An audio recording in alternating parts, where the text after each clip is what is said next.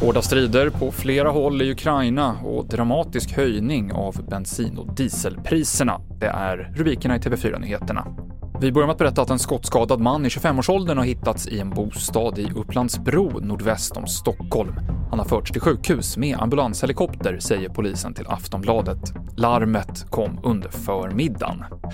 Så går vi vidare till händelserna i Ukraina. Hårda strider pågår i flera städer i Ukraina.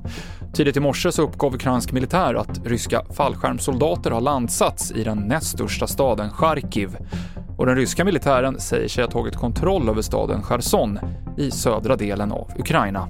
Flera andra städer är omringade och det kommer rapporter om bostadsområden som raserats i ryska attacker och civila som inte kan fly undan striderna.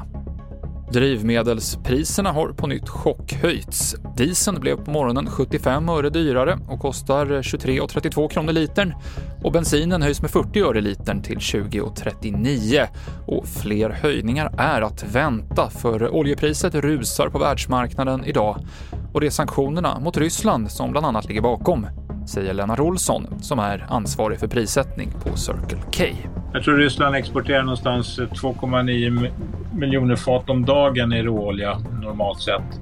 Och när hela den volymen försvinner från marknaden, vilket är på väg att göra eftersom många drar sig undan nu från rysk olja, så blir det en, en, en, en prisuppgång på marknaden generellt sett. Då. Ja, det, blir, det blir ett underskott på produkt helt enkelt. Det sa Lennart Olsson på Circle K. Och Sverige kommer leverera en stor mängd sjukvårdsmaterial till Ukraina, bland annat en miljon munskydd, sa socialminister Lena Hallengren på en pressträff alldeles nyss. Man förbereder även donationer av läkemedel. Mer om vad svenska myndigheter planerar och gör på tv4.se. Senaste nytt får du i appen TV4 Nyheterna. Jag heter Mikael Klintevall.